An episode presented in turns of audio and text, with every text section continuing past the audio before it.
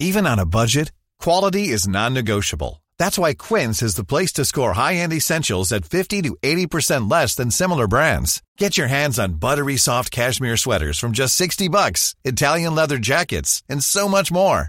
And the best part about Quince, they exclusively partner with factories committed to safe, ethical, and responsible manufacturing. Elevate your style without the elevated price tag with Quince. Go to quince.com slash upgrade for free shipping and 365-day returns.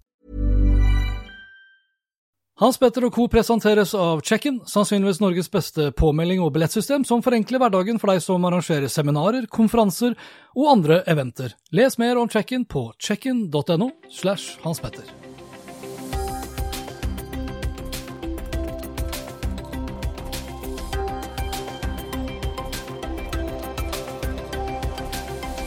I denne episoden her så skal det annet handle om TikTok-sirkuset som ruller videre. TV2 Sumo runder en halv million abonnenter, men bommer grovt på eget mål. Audi tilbyr Functions on Demand. Abonnementstrenden har altså kommet til biler.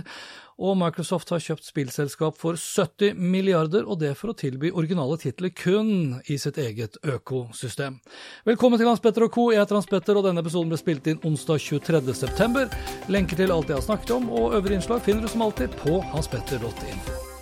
TikTok-sirkuset ruller videre. Sist søndag skulle egentlig appen stenges i USA, men så kom man da til enighet helt på tampen, iallfall tilsynelatende.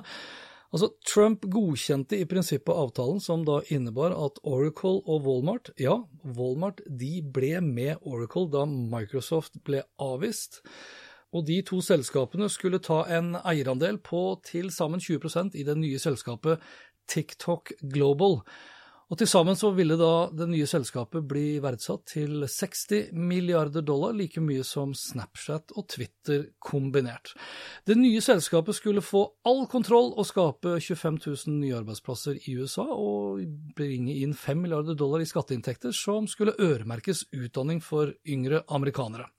So far so good. Men 20% betyr ikke full kontroll. Kinesiske ByteDance ville fortsatt ha kontroll og eie de resterende 80% av selskapet. Oracle og Walmart ville heller ikke få med seg den livsviktige algoritmen som gjør TikTok-brukerne fullstendige avhengige. Og ByteDance selv uttalte at TikTok Global kun ville bli deres datterselskap. Og herremennene i Beijing, hvis vi kan kalle dem, det har fortsatt ikke godkjent noe som helst og derfor fortsetter altså sirkuset. Donald Trump har eh, siden den gang også da trukket tilbake sin foreløpige godkjenning. For en avtale vil som sagt kreve full kontroll, som han selv har sagt, selv om han da kun for få dager siden uttalte at det ville Oracle og Walmart faktisk da få, og da slik avtalen den gang så ut. Ikke bare full kontroll kunne han da garantere, Donald Trump påpekte også at den nye løsningen ville bli 100% sikker i den grad det er noe som virkelig kan sies å være 100% sikkert. At amerikanerne krever full kontroll over sine brukerdata, det er ikke noe nytt. Amerikanske teknologi- og kommunikasjonsselskaper som har fått lov til å gjøre business i Kina, for de fleste får jo ikke lov, de må også utstyre seg med server og datasenter i Kina som hindrer at kinesisk personinformasjon blir sendt ut av Kina. Og det er f.eks. tilfellet med bl.a. Apple. Og det er jo ikke bare mellom USA og Kina at slike datakriger utspilles om dagen. For kort tid siden så snakket jeg om at Irland, og da på vegne av EU, vil forby Facebook å sende brukerdata om EUs borgere til USA. Kravet fra Irland kan bl.a. føre til uh, tilsvarende situasjon som den Apple da har i Kina, og Facebook ville således risikere å måtte reetablere seg i Europa med infrastruktur og ansatte som da ville kunne garantere for at all EU-data blir beholdt innenfor EU. Og det viser seg at Facebook ikke er spesielt interessert i, og nå truer de med å trekke seg ut av EU hvis de ikke i gåstein roer seg ned og lar Facebook få vilja si. Og for ordens skyld, da er det ikke snakk om kun Facebook, men hele Facebook. Altså Facebook som en tjeneste, Instagram som en tjeneste og WhatsApp som en tjeneste. Og da teller vi totalt 410 millioner brukere av én eller flere Facebook-tjenester her i Europa, som da ikke lenger vil ha tilgang til disse tjenestene som vi, altså meg inkludert, bruker i det daglige til både jobb og fritid. Facebook har så langt valgt å svare på EUs nye krav med et søksmål for å utfordre hele det irske kravet, og rettet en rekke ganske så alvorlige anklager mot den irske databeskyttelseskommisjonæren, inkludert da manglende rettferdighet og upartiskhet ved å utelukkende peke på Facebook, som det heter. Skulle irene stå på sitt på vegne av EU, så vil uansett ikke den nye dataloven kun gjelde for Facebook, men for alle amerikanske teknologi- og kommunikasjonsselskaper som opererer ut ifra USA, og da med europeiske kunder. Og teknologi, eller datakrigen, stopper selvsagt ikke her. I Australia, som eh, var blant annet de første landet til å forby 5G-teknologi fra Huawei, så truer nå den kinesiske telekom-giganten å trekke seg fullstendig ut av landet, si opp alle deres ansatte, og blant annet avslutte sponsoravtalen med Australias rugbylag, som de da sponset de siste ni årene. Australia opplevde for øvrig et av deres største cyberangrep i historien for kort tid siden, fra nettopp Kina etter at myndighetene i landet oppfordret til en full undersøkelse i Kina, og da relatert til opphavet for covid-19. I disse dager så foretar Australia sin største investering i ny teknologi for å hindre nye cyberangrep. Og frykten for hva teknologi kan brukes og misbrukes til, stopper selvsagt ikke der. For nå snakkes det annet om frykten for hva dronene til kinesiske DJI kan brukes til på vegne av da selvfølgelig Folkerepublikken Kina. I The Sydney Morning Herald 19.9 vises det til en undersøkelse hvor det da kommer ganske sterke advarsler mot bruk av droner, som igjen blir brukt for innsamling av bilder og data, til spionasje, til dataeksfiltrering eller til å gjennomføre fysiske angrep. Og frykten er nok ikke tatt helt fullstendig ut av luften, altså. For tidligere i år så rapporterte forskere ved Synactive i Frankrike og Grim i USA at en av DJIs Android-applikasjoner som har og bare for ordens skyld, som har da nærmere 70% av verdensmarkedet for droner, DJI altså, inneholdt funksjoner som kan tillate angripere å installere skadelig programvare for å få full kontroll over brukernes telefoner. I 2018 så fant sikkerhetsselskapet Checkpoint ut at hackere kunne få tilgang til en enkel DJI-brukers flydata via da en ondsinnet lenke. Og det her er heller ikke noe nytt, altså. For i 2018 så skrev jeg også at jeg frykter Kina mer enn Facebook, og da viste jeg til flere eksempler på den kinesiske trusselen, hvis vi kan kalle det det. Jeg viste da til 2017, eh, hvor United States Department of Homeland Security som da anklaget nettopp DJI for å sende sensitiv informasjon om amerikansk infrastruktur til Kina. For her hadde da en anonym kilde hevdet at all data som DJI-dronene samler inn der de flyr, blir sendt via smarttelefoner, spesifikt Android-telefoner og nettbrett, til DJI sin skytjeneste, som da kinesiske myndigheter, i parentes som jeg skrev, antageligvis har tilgang til og vi er fortsatt ikke kommet til veis ende. For sist uke så tok USA ut en tiltale mot fem kinesere som er anklaget for å stå bak en global hackingkampanje på vegne av Folkerepublikken. Kineserne hadde angrepet over 100 selskaper og institusjoner i USA og verden for øvrig, inkludert sosiale medier og spillselskaper, i tillegg til universiteter og telekomselskaper. Hackerne, kjent som Apt41, er basert i Kina og har blitt sporet det siste året av cybersikkerhetsselskapet Mandiant Threat Intelligence Intelligence, som beskrev hackerne som svært produktive og dyktige med å gjennomføre en rekke kriminelle og spionasjebaserte operasjoner. Ideelt sett så ville jeg takket kinesiske politimyndigheter for deres samarbeid i saken, og de fem kinesiske hackerne vil nå være i varetekt og vente på rettssak, sa viseadvokat Jeffrey Rosen til AP News. Dessverre forteller historien de siste årene at det kinesiske kommunistpartiet heller vil gjøre Kina trygt for sine egne nettkriminelle, så lenge det er til hjelp for Kina med sitt eget mål om å stjele intellektuell eiendom og kvele frihet. Tilbake til start og tilbake til sirkuset rundt TikTok, for TikTok er bare ett av veldig mange eksempler og et eksempel som gjerne blir brukt som et slags symbol for en mye større frykt eller manglende tillit som nå blir satt på dagsorden. Data er den nye oljen er et velkjent begrep også for mange her til lands, og data kombinert med 5G og kunstig intelligens ja, det vil danne grunnlaget for fremtidig verdiskapning, men ikke minst også fremtidig makt. Og den makten vil Kina ta, den makten vil USA beholde, og den makten ser det ut til at Europa vil beskytte seg mot. Sirkuset kommer garantert til å fortsette, og det tror jeg i overskuelig framtid, uavhengig om Donald Trump godkjenner en TikTok-avtale som mest sannsynlig uansett ikke vil bli godkjent av kommunistene. Om litt får du bl.a. høre at eh, Audi tilbyr Functions on Demand. Nå skal vi altså da begynne å abonnere på tjenester i bilene våre. Og Microsoft har da kjøpt eh, et spillselskap for intet mindre enn 70 milliarder, og det for å tilby originale titler kun i sitt eget økosystem. Men først det her.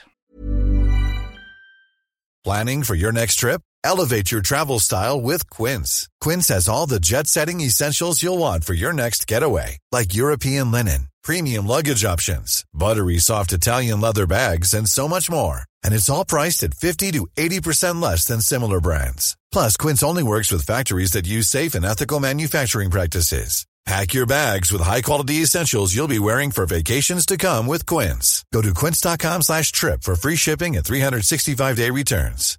My business used to be weighed down by the complexities of in-person payments.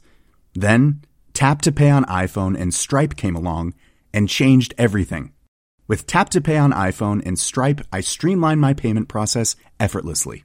Now I can accept in-person, contactless payments right from my iPhone. No extra hardware required. What's truly remarkable is how I can cater to all of my customers' payment preferences. Whether they're using cards, Apple Pay, or other digital wallets, Tap to Pay on iPhone and Stripe ensure a smooth checkout experience every time.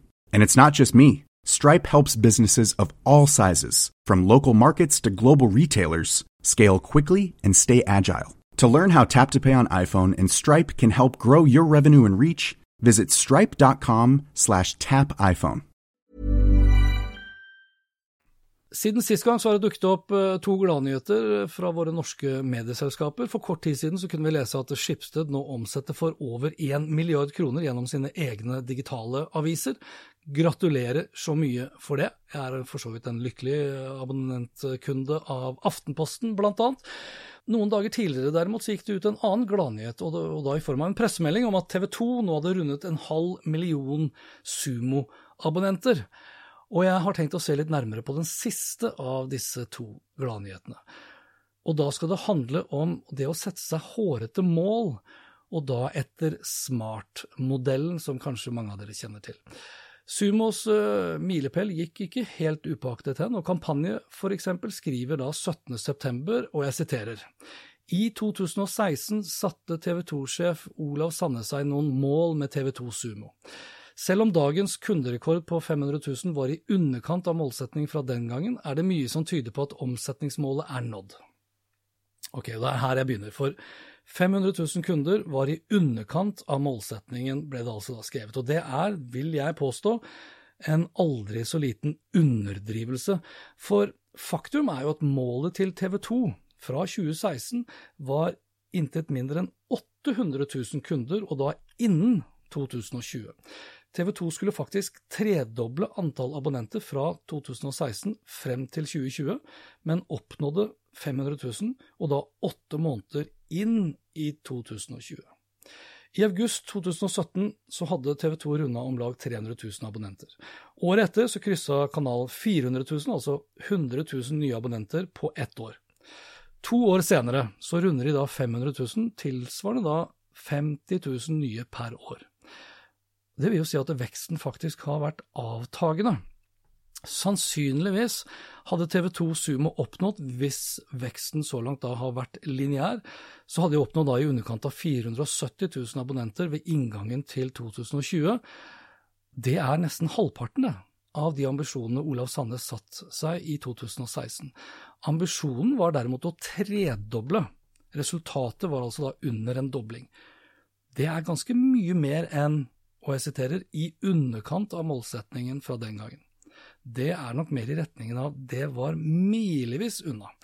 Når det er sagt, så skal jeg uansett gratulere TV 2 og Sumo med å ha oppnådd en milepæl på en halv million Sumo-abonnenter. Selv har jeg vært en forholdsvis fornøyd Sumo-kunde i flere år etter at jeg kutta ut Get, eller da Telia, og da Telia sin kabel. Tjenesten syns jeg også har blitt stadig bedre, og det er ikke bare jeg som mener, for i 2017 så endte Sumo tredje sist på Norsk kundebarometer sin oversikt.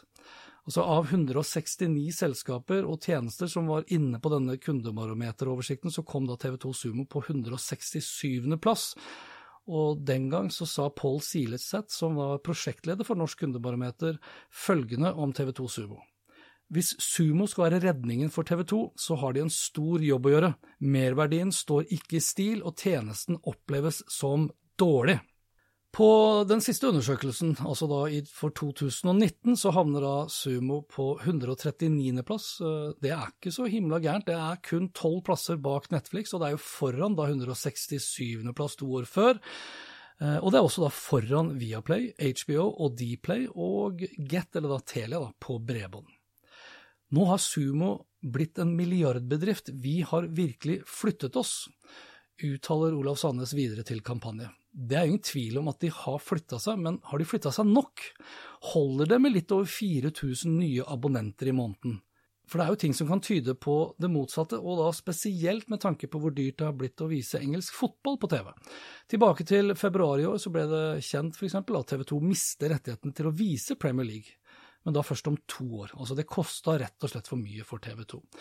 Og her om dagen så ble det også kjent at TV 2 nå vil sette opp prisen for å få tilgang til bl.a. Premier League fremover, fra 499 til hele 699 kroner per måned. Det er en økning på hele 40% og en årlig abonnementskostnad på nesten 8500 kroner. Og reaksjonen har selvsagt ikke ventet på seg, så mon tro om TV2 Sumo vil klare å vokse i samme grad fremover, som de har gjort da de siste to årene eller om veksten vil avta, at sumokunder vil si opp sine abonnement, og da i protest mot denne prisøkningen. Men for ordens skyld, la oss være litt sånn positive. La oss si at veksten fortsetter i samme lineære takt, med litt over 4000 nye abonnenter per måned, eller da 12 500 per kvartal. Når vil TV 2 og Olav Sandnes da nå deres opprinnelige mål fra 2016 om 800 000 abonnenter, som de skulle ha nådd innen 2020? Altså Da må faktisk TV 2 vente så lenge som til tredje kvartal i 2026, altså seks år til. Altså Det er helt riktig å sette seg hårete mål, men målene bør også være oppnåelige og realistiske. Spesielt når man går ganske hardt ut, da, og da eksternt, med disse målene. Og det er her jeg kommer inn på smarte mål. Så smart hvor S-en står for at det må være spesifikt, at M-en står for at det må være målbart, A-en står for achievable, altså oppnåelig, R-en står for realistisk, og T-en står for tidsbasert. For tenk dere om Reed Hastings, altså sjefen i Netflix, hadde bomma like grovt, for jeg syns det her er grovt, like grovt med selskapets egne vekstambisjoner da tror jeg ikke bare Reed Hastings hadde fått kjørt seg, da hadde aksjekursen også fått kjørt seg. Jeg er, ganske, jeg er, faktisk ganske sikker på at hvilken som helst toppsjef eller salgssjef hadde fått så hatten passer om han bomma med seks år på eget budsjett, eller seks år på selskapets egne vekstambisjoner. For, og da uansett egentlig hvor hårete mål var, for utfordringen ved å sette altfor hårete mål er at desto nærmere du kommer til T-en, altså til den tiden når du da skal ha oppnådd målet ditt, desto lenger unna målet vil du bli, og desto vanskeligere blir det å opprettholde nødvendig motivasjon blant dine ansatte, fordi målet blir bare mer og mer uoppnåelig. Og derfor er A-en, achievable, oppnåelig sammen med R-en, realistisk, så utrolig viktig. Viktig for at hele selskapet, avdelingen, teamet skal bli med på reisen, viktig for at alle skal kunne tro at det er mulig. Det er viktig at alle skal tro på smarten. Jeg vil tro at det egentlig ikke gikk så lang tid derimot hos TV 2 før de selv innså at 800 000 Sumo-abonnenter innen 2020 ikke var oppnåelig.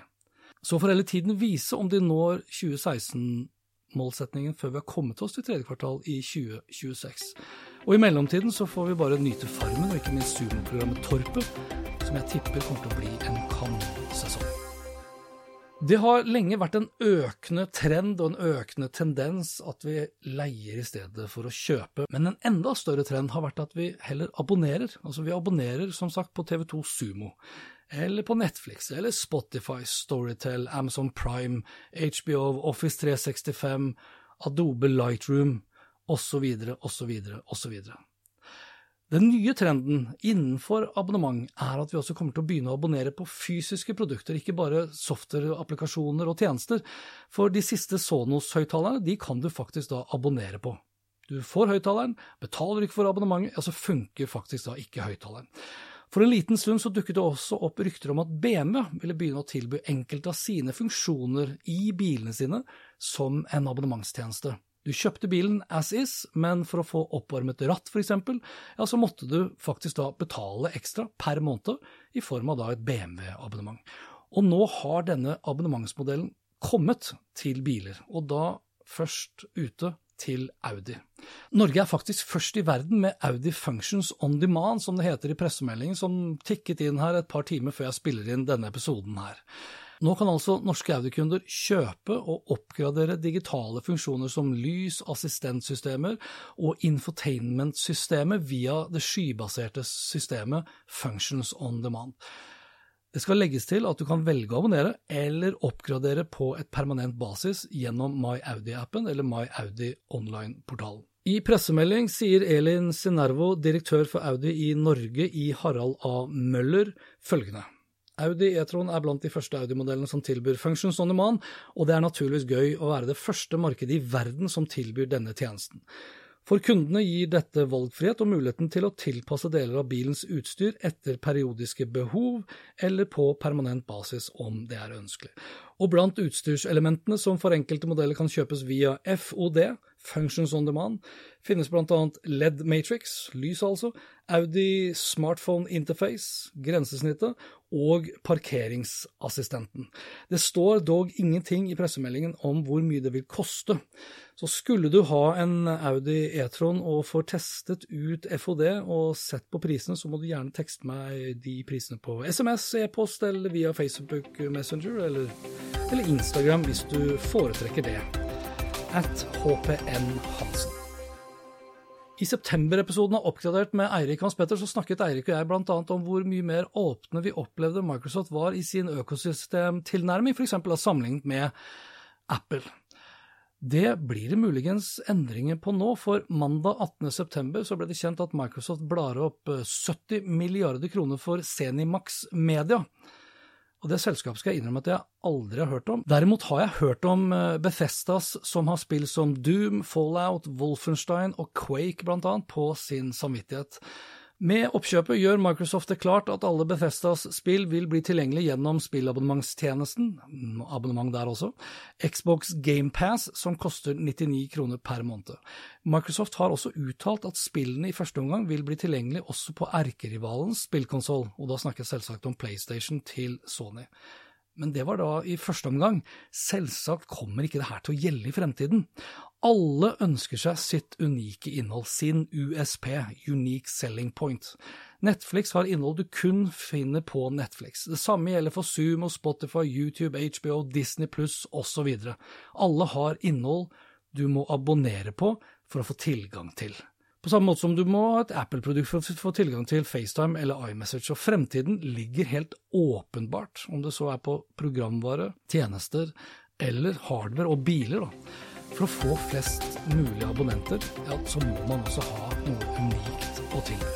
Jeg runder av som vanlig med noen kortere saker, og jeg begynner med podkast, for nå viser det seg at halvparten av amerikanske markedsførere de vurderer å reklamere på podkast i løpet av de neste seks månedene. Og her spør jeg egentlig bare hvor stor er andelen blant norske podkastere? Oljefondet har nå solgt sin milliardinvestering i Hikvision Digital, som da lager overvåkningskameraene som bl.a. Kina bruker til å undertrykke uigurene. Hikvision havnet på svartelisten til Trump allerede i 2019, altså listen over kinesiske selskaper som USA ikke får gjøre business med. Og med det så er det jo gledelig da at eh, vårt eh, eget fond også følger etter. Tysk pasient døde da sykehuset ble hacket og utsatt for løsepengevirus. Og i denne episodens anbefaling, ja, den går til National Geographic-serien Year Million, som du nå kan se på Disney pluss. Year Million handler ikke om jorden i år én million, men om hvordan jorden vil se ut i fjern fremtid.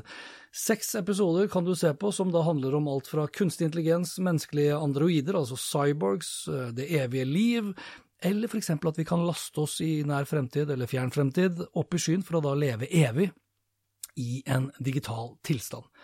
Best av alt, eller nesten i alle fall, er at dokumentarserien blir lest av ingen ringere enn Lawrence udødeliggjort, vil jeg påstå, gjennom The Matrix fra 1999. The final step toward eternity will be a complete paradigm change. It's when you step into the screen you are watching, and it becomes your everything. All of society will live digitally in a virtual world called the metaverse that is a thousand times more intense than the one around you now. It sounds like The Matrix. But it's the year million. Og dette var det for denne gang. Lenker til alt jeg har snakket om og øvrige innslag finner du på hanspetter.info. Om et par dager så tar store deler av Norge høstferie, det gjelder Hans Petter og co. også, så neste episode dukker opp onsdag 7. oktober. I mellomtiden, hold avstand og bruk ansiktsmaske så mye som mulig, iallfall da i det offentlige rom. Likte du det du hørte og vil forsikre deg om at du får med deg de neste episodene, da kan du bl.a. abonnere på Hans Petter og Co. på Apple Podkaster. Ellers er podkasten selvsagt også tilgjengelig på Acast, Spotify, Google Podcast, Overcast og TuneIn Radio. Inntil neste gang, vær nysgjerrig, for det er den beste måten å møte vår digitale fremtid på. Hans Petter og co. presenteres av Check-in, sannsynligvis Norges beste påmelding og billettsystem, som forenkler hverdagen for deg som arrangerer seminarer, konferanser og andre eventer. Les mer om Check-in på checkin.no slash hanspetter. My business used to be weighed down by the complexities of in person payments. Then, Tap to Pay on iPhone and Stripe came along and changed everything. With Tap to Pay on iPhone and Stripe, I streamline my payment process effortlessly. Now I can accept in person, contactless payments right from my iPhone. No extra hardware required. What's truly remarkable is how I can cater to all of my customers' payment preferences. Whether they're using cards, Apple Pay, or other digital wallets, Tap to Pay on iPhone and Stripe ensure a smooth checkout experience every time. And it's not just me. Stripe helps businesses of all sizes, from local markets to global retailers, scale quickly and stay agile. To learn how Tap to Pay on iPhone and Stripe can help grow your revenue and reach, visit stripe.com slash tap iPhone. Roller coaster prices, supply chain glitches, political unease. They do their best to wreck my business plans. With so many unknowns, how do I know I'm making the right decisions? Aon helps me stay on top of things. They have expert points of view on volatility from around the world, paired with local insight that helps me get back on solid ground. Better decisions. Aon.